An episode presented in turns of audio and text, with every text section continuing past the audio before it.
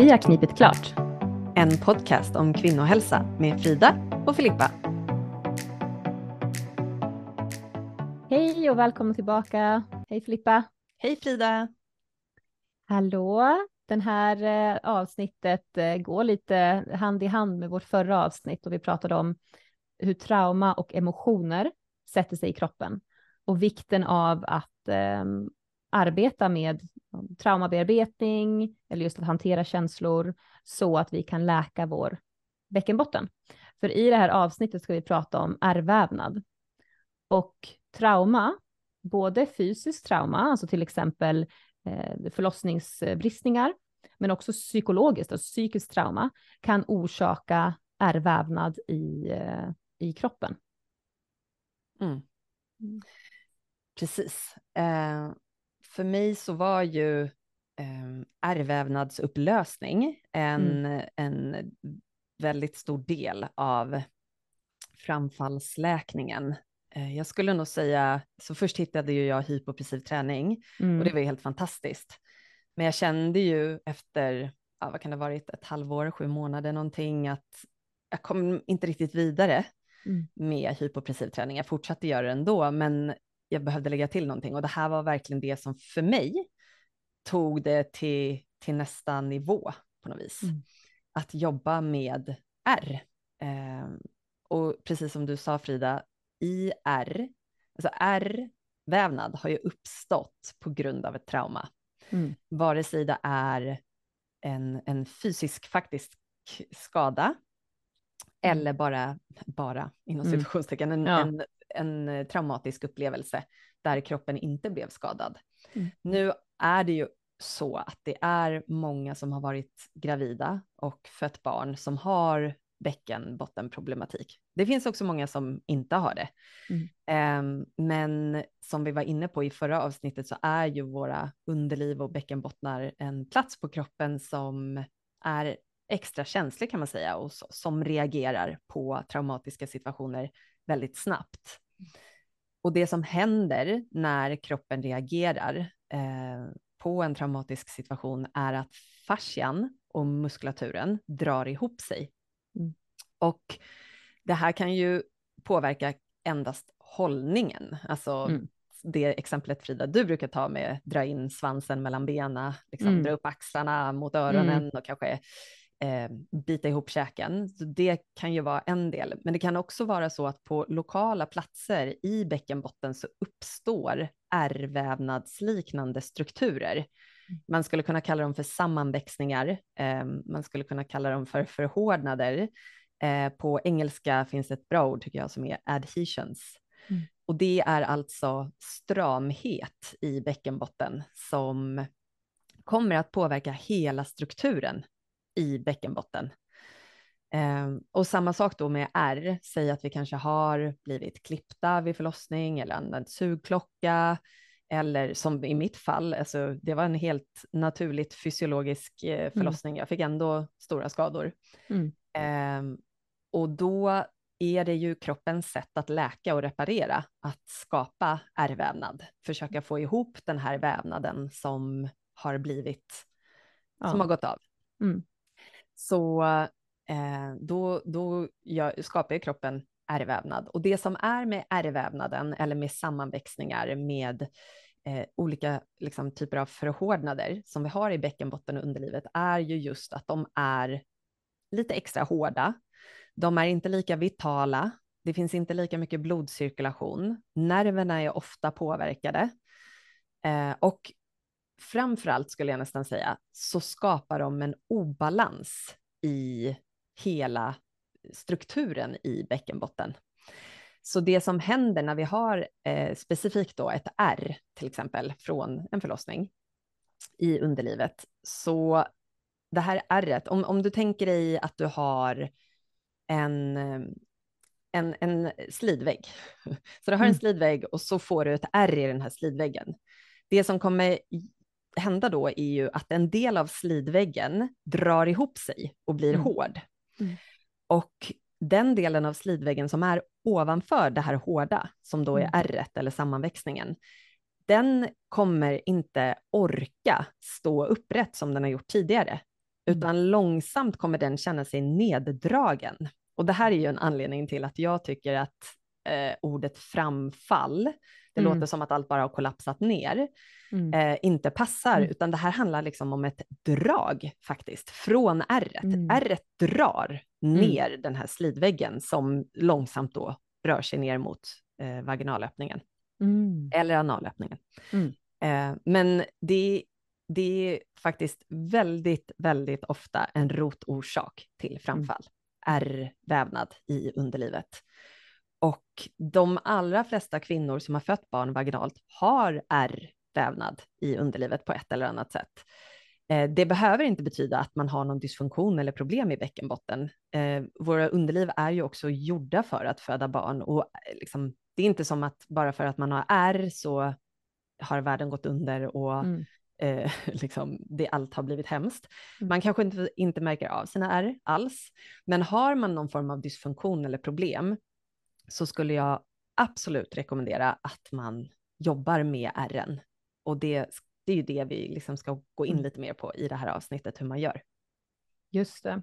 Det där är så himla spännande verkligen, för att det här var ju den delen eh, av bäckenhälsans fyra pelare, där liksom är vävnad som är den, den sista delen, som jag visste minst om. Men jag tänker liksom på de år Ehm, som jag har undervisat yoga, så vinyasa yoga, vilket är en power yoga. Kommer jag ihåg ehm, en specifik kvinna som hon hade opererat bort ehm, eh, ena bröstet och hade ett stort ärr liksom i, i armhålan och under bröstet. Alltså det var ett stort ärr i alla fall på ena sidan. Och jag kommer ihåg att vi skulle då, eller jag ledde dem genom en sån en bakåtböjning, svingsen heter det, när man kommer upp lite granna, upp från marken och ligger på mage. Och hon kunde ju inte komma upp, alltså på, hon kunde komma upp på ena sidan, för där fanns det rörlighet, men på den högra sidan så var ärret så otroligt stramt, så hennes rörlighet var ju så begränsad. Mm. Och jag tänker att det är ett, ett sånt som tydligt tecken att att ja, samma sak gäller ju när du har liksom ett R i, i underlivet. Samma mm. sak händer ju. Rörligheten är, är begränsad på olika sätt. Mm. Också mm. kejsarsnitt R. Där kan man också behöva jobba med. Så ärrmassage, och vi ska ju gå igenom nu liksom egenvård, hur man kan jobba med sina ärr förstås. Men just med kejsarsnitt R finns det ju också ja, begränsad rörlighet, kanske svårt att föra andningen hela vägen ner till magen eh, att det påverkar hållningen, någonting drar ju. Om något drar åt ett håll, då kommer ju kroppen ställa om sig för att dra åt andra hållet i så fall. Så du får skapa någon form av balans liksom. Så hela kroppen eh, påverkas ju mm. eh, av det. För att inte tala om då, som jag tänker att vi kan prata lite grann nu om också, emotioner och trauma, alltså som är ja, men som sitter i ärret, liksom, mm. av att du berör ärret, för det där har ju hänt mig, av att beröra ärret så kan du få upp komma massa känslor, eh, minnesbilder kanske från en traumatisk upplevelse som är kopplat till det ärret mm. um, och andra typer av sensationer i kroppen. Ja, och här handlar det, vi var inne lite på det i förra avsnittet, eh, mycket också om hur man eh, liksom be bemöter eller närmar sig ärrvävnaden. Mm. För att det finns ju olika typer av triggerpunktsmassage, eh, liksom, ja, så, som, är för, som är för musklerna. För liksom, muskler, ja men precis, ja, exakt. Men, men all, liksom, att, man, att man eh, gör i, alltså inuti bäckenbotten, inuti underlivet, att mm, man går mm. in och trycker på olika punkter. Ja. Och eh, var metod har sin plats. Mm. Eh, men just när det kommer till R så behöver vi bemöta dem på ett lite mer mjukt sätt, just mm. eftersom ofta i R så mm. är det en traumatisk upplevelse inkapslad i mm. ärret. Eh, där det sitter mycket stora känslor som mm. är mm. överväldigande. Och det handlar inte om att vi ska maxa något tryck, trycka så mm. hårt som möjligt. Det är liksom inte mekaniskt alls, utan Nej om, om du tänker dig att du är i en traumatisk situation, vad behöver du då? Mm. Du behöver ju bli omhändertagen, du kanske behöver värme, du behöver mm. känna dig trygg, du behöver mm. någon som kramar om dig mjukt, kanske klappar försiktigt på dig och så vidare. Och mm. det är lite så man kan tänka med ärren också. Att det handlar, det sitter mycket mer i kraften av en mjuk beröring snarare än att köra på och trycka så hårt som möjligt. Mm. Ja, det där känns som att det är jätteviktigt. Vi vill ju inte bli omruskade och liksom eh, knuffade på i en traumatisk situation. Nej. Så att eftersom det kan finnas mycket ja, sårbarhet i de här ärren och eh, jag kan tala för min egen, alltså för min egen del när jag var på en sån eh, ärrbehandling så, så, och så tryckte hon på mitt ärr och jag fick ju direkt en minnesbild från min förlossning. Och, det, och som jag sen då kunde jobba på där och då, liksom. att få möjlighet att säga det som, hade, som jag hade önskat att jag sagt till barnmorskan. Eh, jag hade velat haft en annan barnmorska, jag vill att hon går ut, jag vill byta barnmorska. Det var det jag ville säga, liksom. men som jag inte vågade säga där och då. Eh, och att det i sin tur också kan vara väldigt läkande. Så det är verkligen det här ja, psykosomatiskt när vi jobbar med, med R. Mm. Mm. Ja. ja, men precis. Eh, jag känner igen mig i, i det. Jag tyckte att det var så himla spännande när, när jag fick hjälp med att jobba med RN och liksom gå lite djupare um, in i den tekniken så kom det upp för mig, dels liksom, situationer kring förlossningen var mycket för mig, men jag var också med om när jag var yngre en kille som hoppade från ett träd och landade rakt i asfalten. Mm. Eh, och huvudet började blöda och han var mm. totalt medvetslös och det var bara han och jag där. Mm. Så den situationen kom upp när vi jobbade i underlivet. Mycket intressant. Väldigt, alltså det var, det var så otippat för mig. Jag var redo på allting kring ja. förlossning och allt det här som jag har mm. också bearbetat på många andra sätt. Så mm. det, jag, jag, kände mig liksom tagen på sängen och extra eh, sårbar i det sammanhanget, att det var ett helt annat typ av trauma där jag faktiskt inte fick någon skada själv, mm. eh, men som var så otroligt frigörande eh, och påverkade de ärren jag hade då mycket. Mm. Så det, det kan hända nästan magiska saker eh, ja. faktiskt. Eh, men återigen, det handlar mycket om hur man gör det och det här är en teknik som är liksom ganska avancerad på det sättet att vi, vi får inte lära oss så mycket om allt det här i, i vår vardag, så att vi, vi har inte fått höra det från många källor. Det är liksom mm. ny information som vi ska processa och framför allt om man ska jobba på sig själv med RN, då behöver man nästan ha två roller. Alltså man mm. är mm. en person som har upplevt trauma och därför har man ärrvävnad som man vill jobba med för att få en hälsosammare bäckenbotten och kropp. Och samtidigt behöver man kunna härbärgera alla känslor som kommer när man mm. börjar jobba mm. med de här, för att annars mister det nästan lite poängen. Mm. Eh, om, om man inte kan känna det som kommer upp, då eh, det är inte som att vi inte får något resultat och det, man kan öva många gånger. Det är inte mm. så att man heller behöver vara en expert från dag ett. Du känner din kropp bäst och du har bäst förutsättningar faktiskt för att kunna placera den beröring som behövs där mm. du behöver den. Eh, så för att bli lite mer konkreta då på hur man gör det här så eh, vill jag börja med att rekommendera en olja som heter resinolja. R-I-C-I-N, resinolja. På engelska heter den castor oil eh, och om man söker runt lite där ute på nätet finns ju väldigt mycket mer om castor oil, till exempel castor oil packs. Eh, man kan liksom dränka in en, eh, en bomulls, alltså en handduk eller någonting och lägga på olika ställen på kroppen där man känner att man kanske har inflammation eller ärrvävnad och så vidare. Så det, det är också en, en metod som är eh, fantastisk. Men om man eh, går till liksom mer att fokusera på att lösa upp ärrvävnaden med beröring, då behöver man den här resinoljan som är ganska kladdig. Den är inte som typ olivolja eller kokosolja i sin konsistens. Den är mycket kletigare. Eh, så att om, om man ska göra det här till exempel i sin säng så behöver man antingen typ en handduk under sig som man inte bryr sig om eh, för att det kan bli fläckar som inte går bort.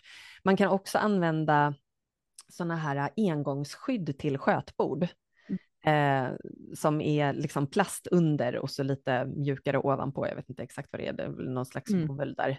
Eh, och då kan man ju bara slänga det eh, sen när man har eh, gjort sin, sin session.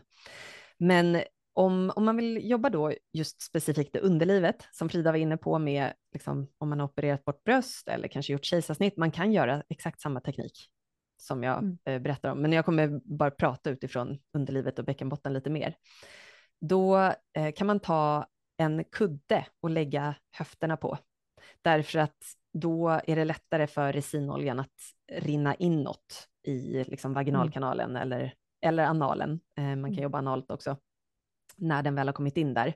Dessutom har man framfall eller tyngdkänsla och så vidare så är det väldigt skönt.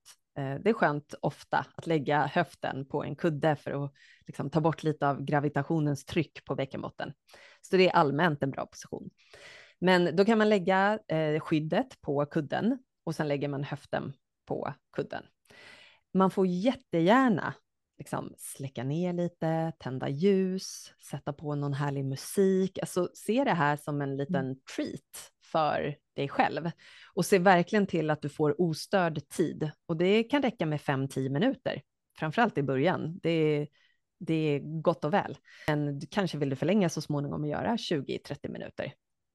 Så se till då att inga barn kanske kommer in och skriker för att det blir svårare att hitta in i den här avslappningen och tryggheten och allt det där som vi vill få till. Mm. Eh, jag rekommenderar också att klippa naglarna, eh, att mm. inte ha långa naglar och att tvätta händerna innan du lägger dig ner. Och sen att du liksom tar en liten stund och checkar in med kroppen, att du kan lägga händerna på eh, kanske först på pubisbenet och sen liksom utanpå vulvan, ta några djupa andetag och eh, känna att du är varm Eh, att du har liksom täcken eller filtar eller så runt dig, att händerna inte är för kalla, att det liksom är en mysig, skön, mjuk, varm stund. Och sen tar du resinoljan och börjar utifrån helt enkelt. Så att mm. eh, man kan börja alltså, helt ytterst ute, utanpå pubisbenet typ och utanpå de yttre blygdläpparna. Eh, och det kanske blir typ första sessionen att man gör det och sen går man inte vidare. Och så ser man hur det är och sen bygger man långsamt på så att man kan jobba med de inre blygdläpparna nästa gång. Även då, man kan mm. börja mm. utifrån varje gång, liksom se varje gång som en ny session med ett nyfiket utforskande sinne och förhållningssätt. Och sen kanske man börjar komma in mot vaginalkanalen, upp mot klitoris, ner mot perineum eller mellangården, även liksom analen och du kommer ganska snabbt känna var någonstans du kanske behöver jobba mest. Och det kan vara så att det är det stället som är mest utmanande att vara på. Och låt det då ta tid. Det är ingenting, alltså att forcera eller göra det här på ett sätt som så här, jag måste börja nu, tiden går och det kommer inte hjälpa. Det är snarare tvärtom, kanske gör dig mera spänd och skapar ännu mer stramhet i den. Så verkligen ta det lite sakta, hellre för långsamt än för snabbt. Eh, och då är liksom, göra det här kanske en gång i veckan i sängen på det här sättet kan vara toppen. För vissa funkar det faktiskt bättre att göra det typ tre minuter i duschen, kanske var, varje eller varannan dag. Eh, att ha oljan där, då är man varm, man kan ha varmt vatten, värma upp kroppen, och så liksom tar man lite mjukt och försiktigt och eh, eh, ja, gör det lite oftare men kortare tid som också kan ha en väldigt, väldigt god effekt. Mm. Hur, eh, några frågor som jag tänkte på här. Mm. Hur, hur eh, känner man ärrvävnad, alltså vi pratar i bäckenbotten? Hur, liksom, hur, hur kan man skilja det från annan typ av vävnad? Eller ja. muskler liksom? Ja, men jättebra fråga. Alltså jag kände ju mycket när jag började med det här att typ, jag vet inte vad, vad är vad, för att mm. jag hade inte varit inne så mycket innan jag födde barn. alltså li, lite någon gång här och där, ja. men inte så pass mycket att jag kände strukturerna. Alltså mm. om jag skulle se hur mitt ansikte förändrades på grund mm. av R, då skulle jag se i detalj mm. exakt. Ja, just det. Ja, jag skulle veta exakt vad det var, men för många mm. kvinnor är man ju så här, eh, jag vet inte, hur ska det här kännas? Så det är en väldigt relevant fråga. Eh, och vi letar ju efter stramhet eh, en hård struktur i, i liksom de här slemhinnorna som ju är annars ganska mjuka och vitala och formbara. Så på det sättet kan man ju ganska snabbt känna ärr, alltså att det är en, en konsistens i ärren som är ganska långt bort ifrån det som är mm. liksom mer naturligt eller mer mjukt och ja. ja. så som det var eh, förmodligen ja. en, en gång tidigare i livet. Ja. Eh, det kan vara knottrigt, så det kan vara nästan mm. så här, tänk dig typ inte sandkorn kanske, men gruskorn, fast väldigt, väldigt små som är liksom i ett område. Det kan vara en lite större stenkänsla. Mm. Eh, såklart inte stenytan, eh, utan det är, det är typ som att det är en sten innanför mm. mm. själva slemhinnan. Eller mellan slemhinnan och muskeln eller fascian och ja, det är så mm. många lager av olika strukturer där. Eh, men det kan vara strängigt, alltså som strängar, eh, och det mm. kan vara olika tjocka eh, strängar, olika långa strängar. Vissa går liksom hela vägen från pubisbenet nästan bak till den bakre slidväggen eh, och vissa är mer liksom, korta. Det kan vara som hålgropar nästan, eh, så att det känns nästan som att det saknas någonting på vissa ställen. Och sen kan det vara typ en kombination av allt det som jag sagt, så att typ en sträng med små gruskorn i eh, mm. och så vidare. Det är ju det är ingen så här, här är de ärren som kan uppstå, så här ser de ut, utan mm. eh, man får börja liksom försöka identifiera. Det man också kan gå på är ju hur känns det när jag, när jag berör? Ja. Eh, är det, gör det ont? Är det smärtsamt? Ja, men då är det nog gissningsvis en, ett ärr. Mm. Eh, är det så att det inte känns någonting, att, att det är bortdomnat, hela området är bortdomnat, då är det förmodligen också någon form av ärrvävnad som har mm. påverkat nerverna och fascian. Eh, det kan ju också vara att det känns torrt, eh, ovitalt, alltså att det bara, om man trycker in i vävnaden, att den mm. svarar inte, liksom. Eh, den, den är bara torr och stel. Eh, eller eller att man kommer för långt in. Den är superslapp, den bara, man bara här, landar med fingret och den bara mm. oj, fortsätter åka ner och ner och ner eller in och in och in. Eh, det vi vill känna är ju liksom en liten push tillbaka. Vi vill ha ett svar från slemhinnorna i underlivet så att när vi mjukt tar fingret där så ska det, ska det liksom vara som en liten respons mm. från, då, då vet vi att vi har en bra dynamik liksom, i slemhinnan. Mm. Mm. Och, och, och sen då när man, okej, okay, så man har hittat, hittat ett potentiellt R i underlivet och så har man sin resinolja och sen bara mjuk beröring då. Eller, ja. eller hålla still eller liksom beröra. Ja, där är det ju lite som en dans. Alltså mm. du får dansa med din bäckenbotten och eh, jag, jag till exempel kände faktiskt, apropå det jag sa nu, att så här, det här är inte en triggerpunktsmassage som man ska inte trycka hårt. Jag kände vid något är att typ, jag måste trycka så hårt här. Jag vill mm. bara, mm. Uh, jag bara fick någon mm. kraft liksom. Mm. För, och det var, det var helt uh, okänsligt där, alltså jag kunde inte känna någonting, jag fick ingen koppling alls. Nej. Och när jag hade gjort det några gånger så kom den där känslan. Så ja.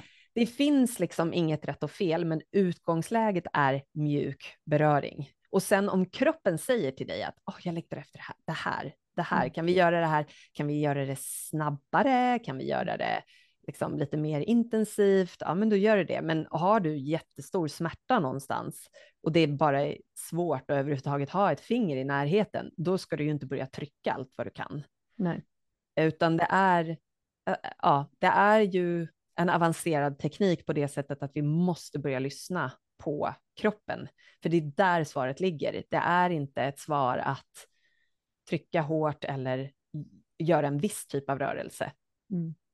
Ja, överlag, liksom, generaliserande, så, så vad jag har sett, så oftast är, vill kroppen ha det mjukt, men det är huvudet, alltså tankarna, som vill ha prestation, målfokuserat och resultatinriktat. Och, tänk, och, och, att huvudet har fått för sig att ju hårdare jag tar, ju snabbare jag gör det här och ju oftare jag gör det, desto bättre resultat får jag.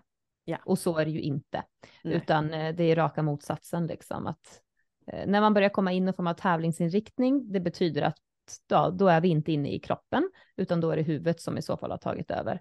Um, och att se vad är det faktiskt kroppen vill ha. Troligtvis är en mjukare beröring. 20 procent av max. Börja långsamt, alltid. Hitta trygghet.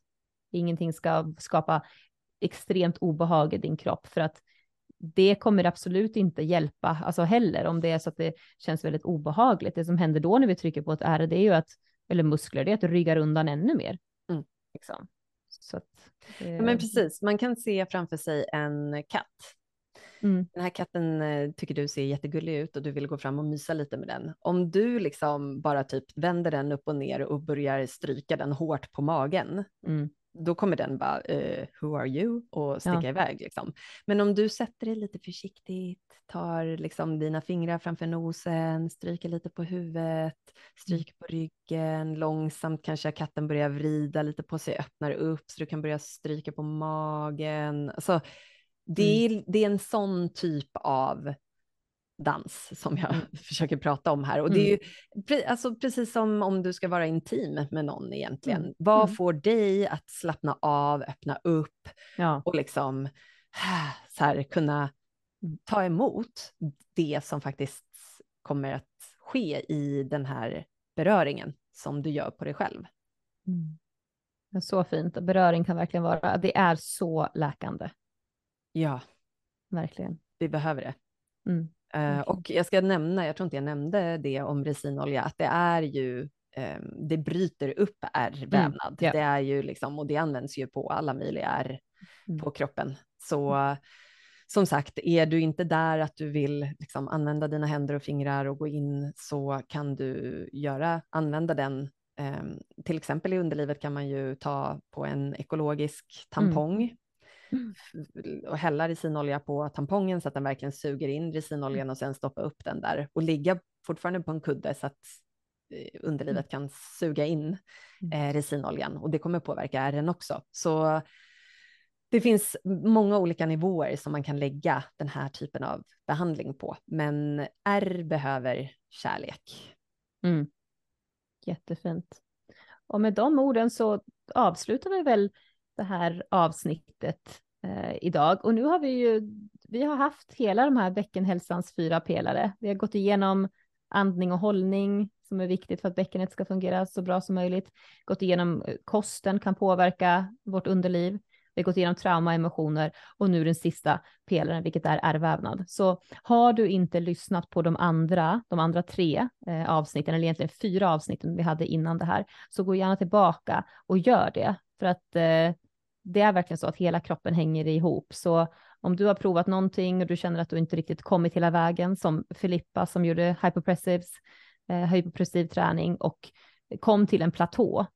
Och sen så gick hon över till liksom nästa pelare då och kollade på ärrvävnad och det var det som också gjorde att läkningen fortskred och att det blev så bra som det, som det är idag. Mm. Så att verkligen ta ett helhetsperspektiv om din bäckenbottenhälsa. Det handlar inte bara om knip och stretch, utan det är så mycket mer. Så lyssna verkligen på de mm. avsnitten och kanske också ställ dig själv frågan liksom när du vilka av de här pelarna upplever att du har jobbat mycket med? Och vilken känner du att men jag har inte gjort så mycket av traumabearbetning eller emotionsbearbetning eller kanske ärrvävnad som i mitt fall som jag inte alls hade gjort någonting av. Eller kanske börja titta, men kan, kan kosten påverka som det gjorde också i, i Filippas fall när hon eh, gick över från vegan till att börja äta kött. Eh, eller just eh, andningen som vi andas ju så mycket varje dag. Liksom. Kan du förändra den? Vad händer med resten av kroppen när du får tillräckligt med syre eh, och kan andas ordentligt? Vad, hur påverkar det resten av kroppen? Så bli verkligen nyfiken. Det här är ja, men som ett smörgåsbord som Filippa sa i något tidigare avsnitt. Att, eh, det finns jättemycket som du kan göra på egen hand. Eh, det här är, ja, det känns som det här är så viktiga, viktiga pelare att se över. Mm. Verkligen. Ja, om man vill eh, läka, liksom ja. om man vill få tillbaka eh, ja. sitt liv så rekommenderar vi det. Exakt. Exakt. Det tror Men jag. också hör gärna av er. Är det något ni vill veta mer om? Ska vi dyka in i någon specifik del av de här olika pelarna? Eller mm ja, vi, vi är nyfikna på hur det här landar hos er, så mm. återkoppla gärna. Vi är jättetacksamma för alla meddelanden och kommentarer och så som vi får från er redan. Mm. Och eh, hoppas såklart att vi ses i nästa avsnitt. Ja, verkligen. Det gör vi. Ha det så bra allihopa. Hej då! Tack för att du lyssnar. Om den här podden betyder något för dig skulle det betyda mycket för oss om du kan ta 30 sekunder av din tid att göra följande. Först kan du följa eller prenumerera på Vi har knipit klart. Att följa podden hjälper dig eftersom du aldrig kommer att missa ett avsnitt. Och det hjälper oss eftersom du aldrig kommer missa ett avsnitt. För att göra det går du bara till Vi har knipit klart på Apple Podcasts, Spotify eller var du än lyssnar på poddar trycker sen på plustecknet i det övre högra hörnet eller klickar på följ. Det här är det viktigaste för podden. Medan du är där kan du, om du vill, ge oss ett femstjärnigt betyg och recensera podden. Till sist får du gärna dela ett avsnitt du älskade med en vän. Vi uppskattar dig mycket.